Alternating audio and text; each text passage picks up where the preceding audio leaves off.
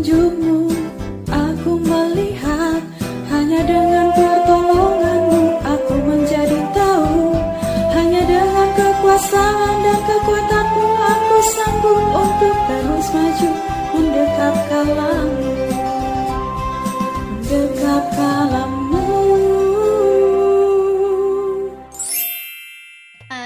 Aisyah, romantisnya cintamu dengan Nabi. Aduh, kenapa, Stat? kayaknya ada yang lagi seneng banget ini. Kedengarannya nyanyi-nyanyi terus. Seneng mas tiap hari. Kalau boleh tahu, yang kamu nyanyikan tadi itu lagu apa sih, Kela? Lagu Aisyah, istri Rasulullah. Lagunya lagi viral, Stat. Oh gitu. Iya, Itu tentang apa sih lagu itu? Tentang kisah cinta Sayyidah Aisyah dengan Rasulullah. Oh, seperti itu. Seberapa sering kamu mendengarkan lagu itu? Hmm, sering sih kalau lagi bosen dengerin gitu. Hmm, kalau memang kamu sering mendengarkan lagu itu, berarti kamu sudah tahu dong siapa Sayyidah Aisyah itu. Coba, Kela, tahu nggak Sayyidah Aisyah itu siapa? Apa yang kamu ketahui tentang beliau? Istri Rasulullah. Selain istri Rasulullah, Cuman tahu istri Rasulullah aja sih. hanya itu aja. Iya. Yaudah, sekarang Ustadz mau bercerita kepada Kela tentang Sayyidah Aisyah. Biar Kela tahu banyak tentang sosok Sayyidah Aisyah, bukan hanya tahu bahwa beliau itu ada istri Rasulullah. Mau tahu nggak Kela? Mau tahu Ustaz? Oke, dengarkan ya. Oke. Assalamualaikum warahmatullahi wabarakatuh. Sahabat edukasi yang dirahmati Allah Subhanahu wa taala, bertemu lagi dengan saya Syukron Hidayatullah, salah seorang pengajar di Pondok Pesantren Baitul Hikmah Bojong Sari Depok.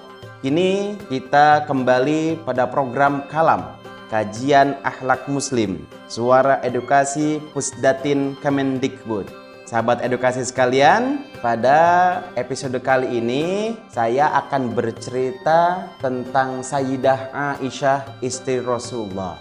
Sahabat edukasi sekalian, ini penting untuk kita ketahui bahwa Sayyidah Aisyah itu adalah istri Rasulullah yang keberapa?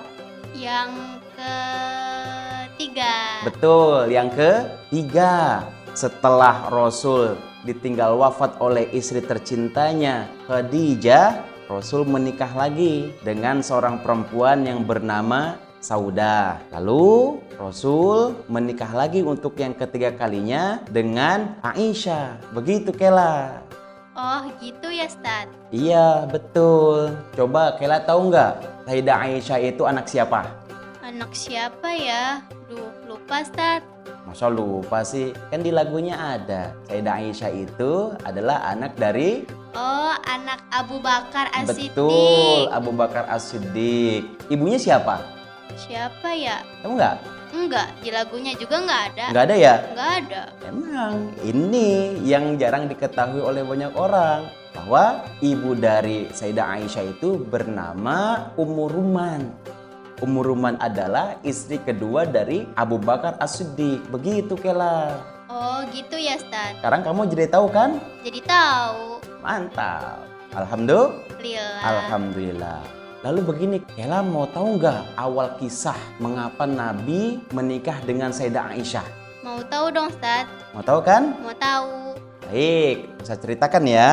Jadi, sahabat edukasi, ini perlu saya ketengahkan bahwa sepeninggal istri tercintanya Rasulullah Shallallahu Alaihi Wasallam yang bernama Sayyidah Khadijatul Kubro, Rasul menikah lagi dengan siapa tadi?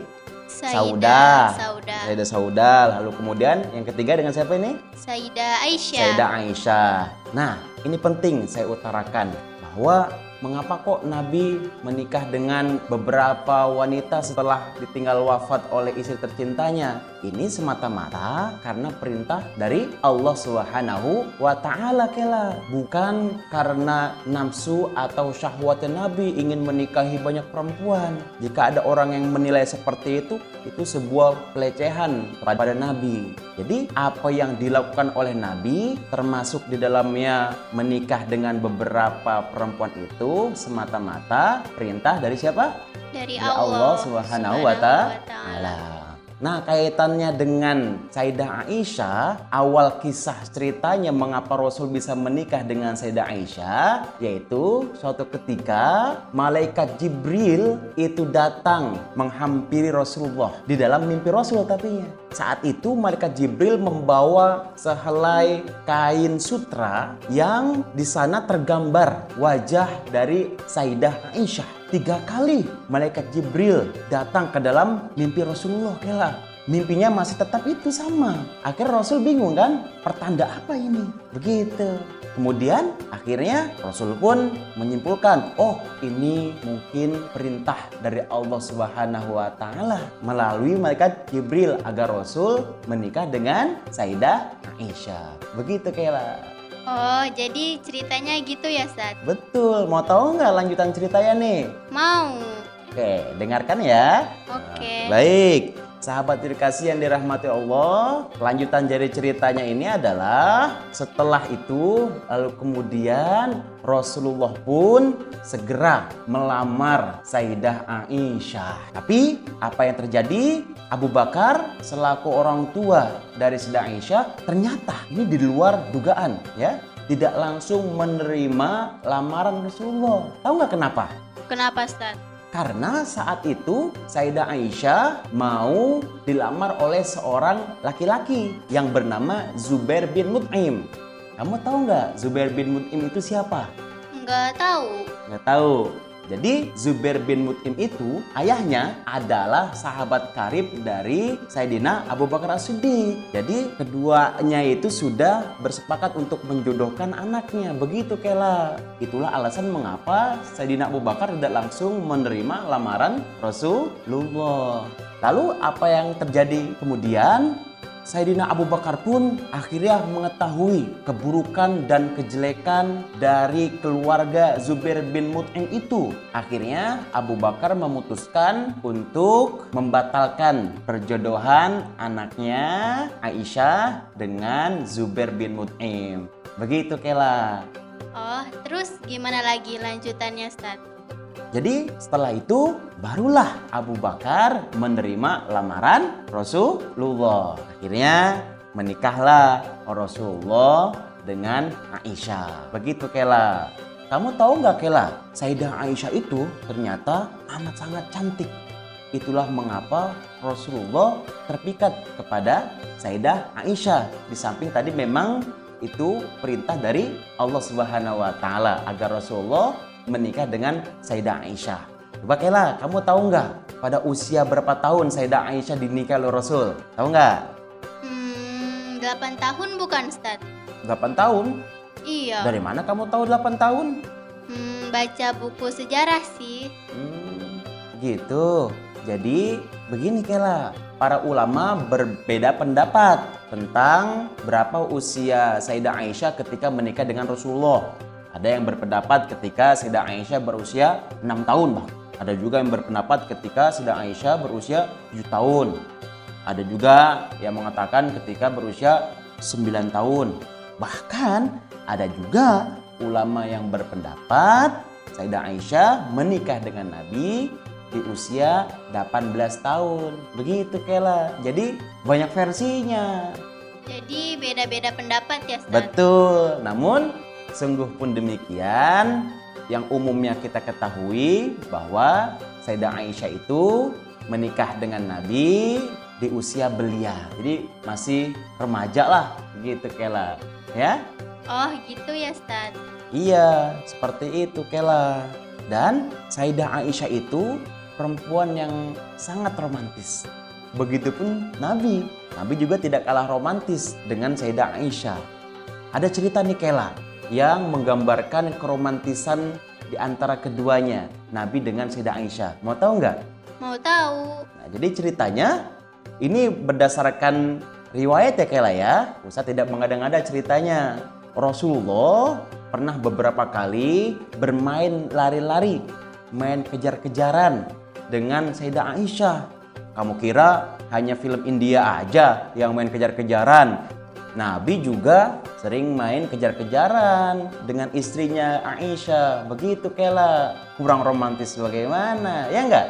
Oh Oh, jadi gitu ya, Ustaz. Romantis banget dah. Iya, so sweet kan? So sweet. Iya.